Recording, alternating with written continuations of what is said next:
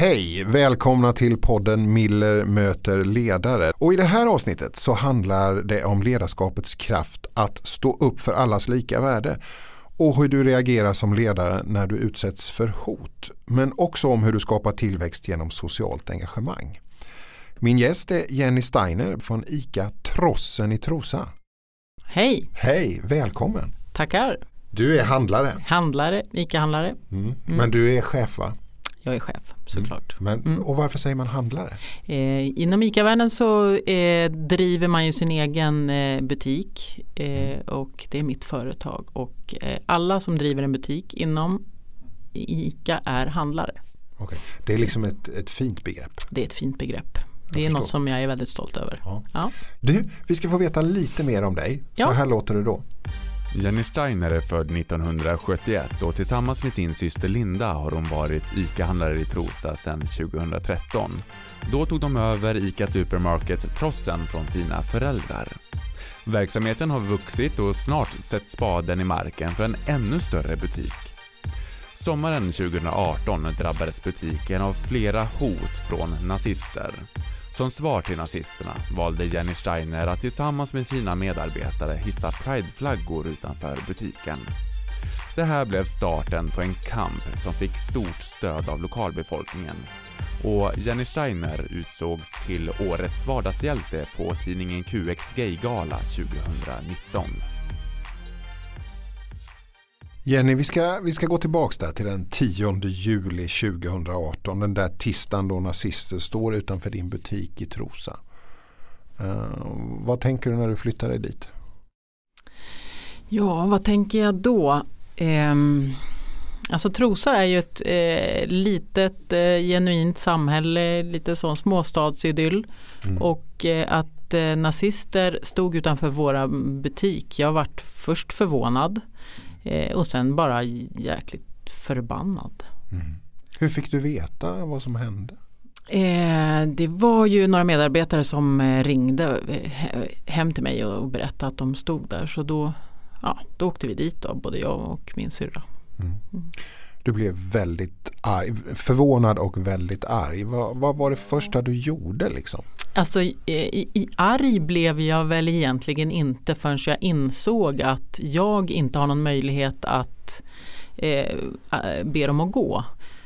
Det, det, är liksom, eh, de har, de har, det är liksom deras rätt att stå utanför min butik det blir liksom som ett personligt påhopp att de står utanför och sprider sin nazistpropaganda i min familjs eh, livsverk. Mm. Till mina kunder, eh, ja, mina medarbetare jobbar där inne, vi är som en, liksom en stor familj. Mm. Varför valde de din butik tror du? Alltså det var ju val eh, inför valet. Eh, jag tror att i första hand så var det väl att de kör sin ride liksom. och i, i, i många orter så är ICA-butiken där det samlar mycket folk. Liksom. Mm. Så att eh, det var nog i första hand att det var, att det var så. Men sen så vart det, det, vart det eskalerade ju lite efter det men eh, i första hand så var det nog så det var. Tror du att du, du tänkte alla att det här har med den sexuella läggning jag har? Du är lesbisk och liksom, tror du, tänkte du det? Eller? Eh, jo, det var, det, det var kanske inte min första tanke men det var väldigt många som påvisade det och sen visade det sig, jag vet inte om det var så i första hand eller om det liksom eh, vart så vartefter men eh, det vart ju tydligt i och med att de eh, vid senare tillfällen att vart det personligt mot mig då. Så. Mm. mm. Men du väljer att göra några saker i mm. den här situationen. Dels så hissar du flaggor, prideflaggor ja. mm. och sen skriver du ett långt inlägg på Facebook som ja. blir väldigt spritt. Ja. Uh, vad, vad, vad, hände med de här två sakerna? Vad hände med de sakerna? Jo, eh, Prideflaggorna var ju liksom som en manifestation. De hissade vi samma kväll och det var ju bara att det här är vårat ställe, de ska fasen inte komma hit och eh, tro att de kan påverka oss och, och människor runt omkring oss utan eh, in your face. Mm. Så var det. Eh, och Facebookinlägget var väl egentligen att eh, jag ville väl förklara lite dels att, att vi hade hissat prideflaggor men också varför vi hade gjort det. Eh, det kändes viktigt att förklara det för mina nära liksom vänner och, och många kunder och sådär följer ju mig. Och, så det var egentligen det som var själva grejen med Facebook-inlägget. Mm. Vad fick du för reaktioner? Alltså det vart ju en enorm spridning på det här Facebook-inlägget. Så att eh, eh, jag fick ju otroligt mycket eh, Eh, ja, men, ryggdunk och eh, fan vad bra att du står upp och jag hade också gärna velat stå upp men jag vågar inte. Eh, ja. Alltså 99% av allt var väldigt positivt. Från att ha varit en ICA-handlare som driver en ICA-butik i Trosa så blev ju du en aktivist. Ja exakt, över dagen. Ja, var du beredd på det? Nej jag var inte beredd på det och det var ju någonting som jag insåg i efterhand att så här blev det visst. Hur känns det då, att vara en aktivist? Jo men det känns väl ganska bra. Vi, måste ju, vi som är vanliga måste sätta stopp för sådana som har makt att förtrycka. De använder sig av yttrandefrihet och, och, och sådana ord för att förtrycka vanliga människor. Mm. Det tycker jag är för jävligt. Var får du ditt civilkurage ifrån? Jag vet inte, jag har tänkt lite på det där. Jag, jag, tror att allt grundar sig liksom i vad man har för värderingar och hur man är uppväxt och så. Um, ja. Om vi skulle borra lite där då. Mm. Vad, vad, vad, omgavs du med för värderingar? Vad var det som formade dig till den person du är? Ja, vilken bra fråga. Jag, alltså jag är uppvuxen i Trosa. Mina föräldrar eh, vi, de har alltid liksom jobbat hårt och liksom alltid tänkt, men gott, föregått med gott exempel och alla är värda en andra chans och eh, ja men att man hjälper de som kanske inte har det så bra och, och så. Eh, men och framförallt att man, man jobbar hårt och det är man själv som sätter ribban för hur, hur det blir i livet. Dels för sig själv men att man också kan påverka eh, ja, men liksom det som sker runt omkring. Det är liksom ingen annans fel eller ingen annan som kommer att fixa det åt mig. Så så är jag uppvuxen och det är nog därifrån som det kommer. Men det är ju ändå så att man kan växa upp med förebilder och ändå mm. i en sån situation som du hamnade i Trosa bli rädd, eh, fundera på vad ska det här leda och kanske välja en annan väg än du gjorde. Men det gjorde inte du. Hur hanterade, blev du rädd någon gång? Nej, det var jag har faktiskt inte blivit rädd. Människor i min närhet har tyckt att det har varit obehagligt vid vissa tillfällen. Mm.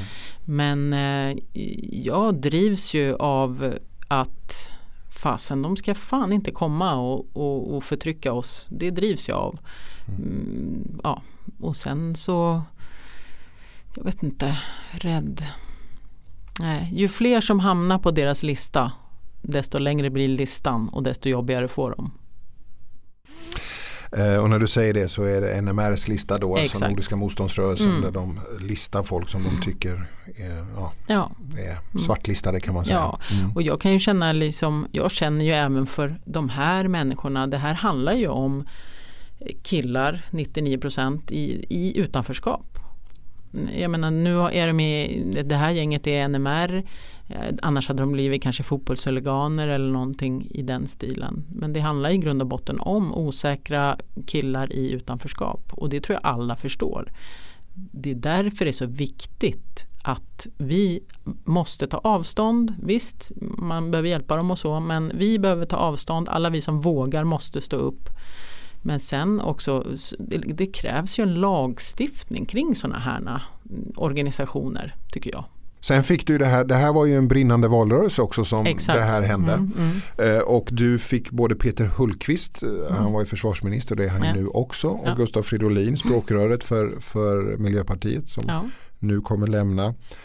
Eh, Även så, Alice Bah Kuhnke var, var, där. Varit lite, inte där men hon har varit engagerad i frågan. Ja, just mm. Hur ser du på det här politiska engagemanget nu då, så här våren 2019? Vad tänker du om det? Ja, alltså jag ser ju samma flathet Eh, de är fortfarande fega, inte just de som vi räknade upp nu för de har ju faktiskt visat sitt engagemang och de har ju själva varit utsatta för de här mm. grejerna. Mm. Men eh, att inte våra politiker eh, sätter sitt namn på frågan det gör mig otroligt frustrerad. Men du, det är ju inte alla ICA-handlare som blir aktivister och går ut i politiska frågor. Det är i alla fall inte min bild nej, när jag tittar ut över ICA nej. Sverige. Eh, vad är det som, hur ser du på det där? Alltså, du tycker att det går bra att kombinera affärer med den här, den här det, det du ja, på ett sätt hamnade i och, ja. och aktiverat ja. i? Alltså jag tror ju att Ehm, ja, men jag bor och verkar i Trosa. Mina barn ska växa upp där. Jag tror att eh, att vara en engagerad samhällsmedborgare det bygger lojala människor och även därmed kunder. Så att jag tänker att det går att kombinera. Jag hoppas det. Och eh, ja, nej, jag vill ju att Trosa ska vara ett bra ställe att växa och bo på. Liksom, så att, eh, Tänker ja. du som ICA-handlare att du också har ett socialt ansvar? Absolut. Och det tror jag däremot att väldigt många ICA-handlare är med mig. Det hör jag ju. Eh, det, det, tror jag verkligen att man, att man upplever.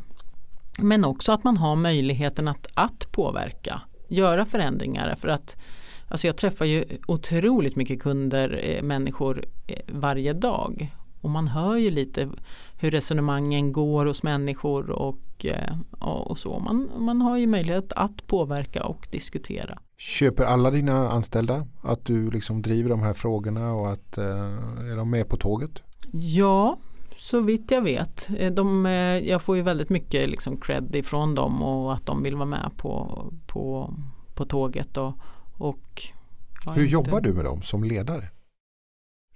Alltså jag Dels är vi ju, vi är många. Jag, eh, jag driver butiken tillsammans med min syster. Sen har vi en butikschef som är väldigt engagerad och sen driver ju butiken genom ledningsgruppen.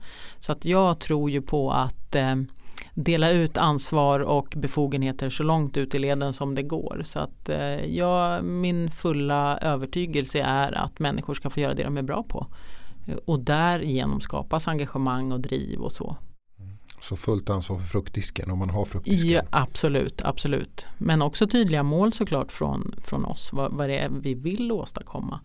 Det är ju jätteviktigt så man vet. Som handlare, hur operativ är du och hur, hur kliar du någon gång i fingrarna eller klarar du av den där liksom att faktiskt delegera? Alltså jag delegerar ju, eller jag, jag kallar det inte för delegera men det är väl egentligen det som, som jag gör. Men jag jobbar ju i driften varje dag. Eh, ja, när jag inte gör såna här grejer då, då men eh, jag, jag börjar tidigt på morgonen. Eh, jag är ju en ambitiös människa så att jag är där nästan först. Eh, det är hon som städar som är där före mig. Men eh, annars så eh, hur lång, är, hur lång är en arbetsdag för dig? Inte så lång. Jag, jag jobbar 5-15. Så att jag, och efter 15 då, då är det heligt. Då hämtar jag mina barn och tränar och sånt. Men jag är på jobbet vid halv fem, fem. Och då börjar att mala köttfärs eller sånt. Då är du en i laget som Absolut, handlare? verkligen. Ja, ja. Mm. Och, och, det, och, det, funkar även om du är ägare? Och du ja, liksom, Ja. Så har vi alltid gjort i familjeföretag och eh, ja, men så har vi alltid gjort. Och då, det sitter lite i väggarna så. De är, de är, många utav med, mina medarbetare de står ju mig väldigt nära. Men ibland måste väl du fatta obekväma beslut även som handlare som alla anställda kanske inte gillar. Och Verkligen. Och, och hur och hanterar du det? Då? Nej, men jag tror så här att eh, är man en vänlig person som verkligen står upp och alltid är schysst och hjälpsam då, då är det inte så svårt att fatta de här besluten som man är, tyvärr ibland måste ta. Då, så att, eh, då tror jag man har respekt med sig att, att ta sådana beslut. Nu äger du det här ihop med syrran. Mm. Ja. Hur är det att vara liksom syskon och samtidigt ägare och driva ett företag ihop? Ja, hur är det? Alltså vi är ju uppvuxna, mina föräldrar drev i butiken så vi har ju alltid jobbat där och Eh, så. Så att vi har ju alltid jobbat tillsammans. Eh, det grundar sig väl i att vi har ju väldigt lika värderingar. Sen är vi väldigt olika som person. Mm. Jag är ju motordriven, jag gör knasiga konstiga grejer typ som det här jag gör nu och hon är lite mera strategisk, lugn. Jag är drivet och hon är hjärnan brukar jag säga. Okej, okay. mm. och, det, och det funkar alltid? Det funkar jättebra. Vi, är, vi kompletterar ju varandra otroligt bra och jag skulle ju inte vara någonting utan henne. Och kanske tvärtom? Och kanske tvärtom. Mm. Du, eh, vad, vad, tänker du? Nu ska ni bygga en ny butik. Ni ska ja. bli större. Mm. Uh, hur, vad tänker man som handlare när man går in i en större butik? Um Ja, vad tänker man? Jag tänker mig väl att jag tror att livsmedelsbranschen överhuvudtaget står inför liksom liten utmaning eh, framöver. Ja, ja, men förr i tiden då gick du och köpte din spaghetti, du köpte din köttfärs, du gick hem och lagade din middag och satt ner och åt mat. Nu har vi kvar den biten men du har också de här eh, många eh, som är född på 2000-talet. De vill ha liksom sin spaghetti och köttfärssås fast den ska vara vegansk, varm till dörren via en mobilapp. Så där, det vi bygger nu i min butik det kommer att vara en hybrid. Mm. Där man, ja det är jag själv som har hittat på namnet men ja. alltså vi, vi har kvar en butiken vi bygger en eh, restaurangdel och, och, utvecklar den och även satsar på eh, online och utkörning och, och sådana bitar. Och att vi behöver finnas på en bredare front på fler plattformar. Eh, ja. Så man ska, kan köpa en trossenkasse som man får hem ja. eller man kan köpa en trossenlunch eller ja. man kan köpa sina matvaror på trossen. Precis, det, det kommer vara liksom en, en, en blandning. Vad behöver du för medarbetare då? Jag behöver ju liksom alla möjliga medarbetare men människor behöver ju liksom vara flexibla. Ehm, och där tror jag liksom att det kommer ju också ändras lite grann. Nu, vi behöver bli lite mer flexibla och eh, de som ska jobba hos mig behöver också vara flexibla. Det blir Vad lägger du i ordet flexibla? Ja, men jag tänker så här, må väldigt många människor vill jobba mellan eh, 7 och 17. Eh, det tror jag kommer försvinna mer och mer utan att man kanske jobbar kanske kortare arbetspass, man kanske jobbar liksom senare kvällar, tidigare morgnar. Ja, eh, ja men arbetssättet att arbeta tror jag kommer förändras. Men behöver man också göra en massa olika saker? Jag tänker ja. att de här tre sakerna ja, ja, du visst. beskriver kommer ju kräva kanske att man kan gå emellan och så. Precis, för, för, min del jag kommer inte anställa någon kock till det vi kallar för restaurangen utan jag kommer ju utbilda mina befintliga medarbetare och kanske nyanställda ta inspiration från någon kock. Eh, men eh, det kommer handla om att det är de som lagar maten. Så att, eh, ja. Nu tar du om flexibilitet som ett begrepp kring medarbetare. Mm. Ett annat begrepp som ju ni har jobbat med det har ju handlat om mångfald eller mm. integration. Och det är ju inte alla som gör det i en ICA-butik. Men var, varifrån kommer det engagemanget? Men det är som jag sa förut, jag vill att Trosa ska vara en, ett bra ställe att växa upp på. Mina barn går i skolan, jag menar det ska vara ett, ett bra ställe att bo och verka på helt enkelt. Och där, det som jag är, ser är att eh, rädsla kring de här frågorna som integration skapar liksom, ett motstånd. Och jag tänker mig att eh, får man vara med och integrera som vi har gjort med vår matlagning som vi gör med, med nyanlända. Får man vara med i ett sådant sammanhang då inser man att de här människorna eh, är ju liksom som vi. Och att de här människorna ska vara i Trosa, de ska bo här. Deras barn ska gå i våran skola. Eh, de ska vara på vårdcentralen, de ska gå till tandläkaren. Så att får man vara med och integrera då tror jag verkligen att, eh, ja, men att det, det, blir så hundra gånger lättare. Allemansrätt, Bingolotto, eh, innebandy. Att får man lära sig det och svenska för tusan. Får du lära dig det när du kommer då blir det här, det blir liksom, allt blir lite mer smooth, lättare. Integrationsfrågorna, är det också en affärsmässighet? Ja, vad ska man, det, affärsmässighet, jag vet inte riktigt. Eh, in, jag tror kanske inte riktigt ännu men det kommer ju bli det. För våran del är det inte riktigt det ännu men jag tror nog att det kommer bli det. Samhällsengagemang kommer definitivt att vara det. Det är det jag är övertygad om. Eh, alltså förr i tiden satte man liksom sin Trossen-loggan på innebandyhallsargen. Idag så lagar jag mat med nyanlända och jag bjuder in mina kunder och, bjud, och lagar mat. Mina medarbetare är med och lagar mat. Trosa kommun är med och lagar mat. Det skapar ju liksom lojalitet eh, på ett annat sätt än en skylt i en gympasal. Ett socialt ansvarstagande som du ja, var inne på förut. Ja, precis. Ja. Jenny, den här podden börjar närma sig till slut. Det har varit mm. väldigt kul att prata med dig. Men mm, du, så här, när vi, liksom, ja, när vi brukar runda av det här så mm. brukar jag fråga i, dig, i det här fallet nu då, mm. handlaren Jenny. Vad är dina bästa tips till ledare som lyssnar på den här podden? Ledare som lyssnar på den här podden. Ja, men jag skulle väl säga så här. Låt folk göra det de är bra på. Det tror jag är ett framgångsrecept och också föregå med gott exempel. Stort tack för att du kom. Tack. Mm. Podden Miller möter ledare eh, rundar vi av för den här gången.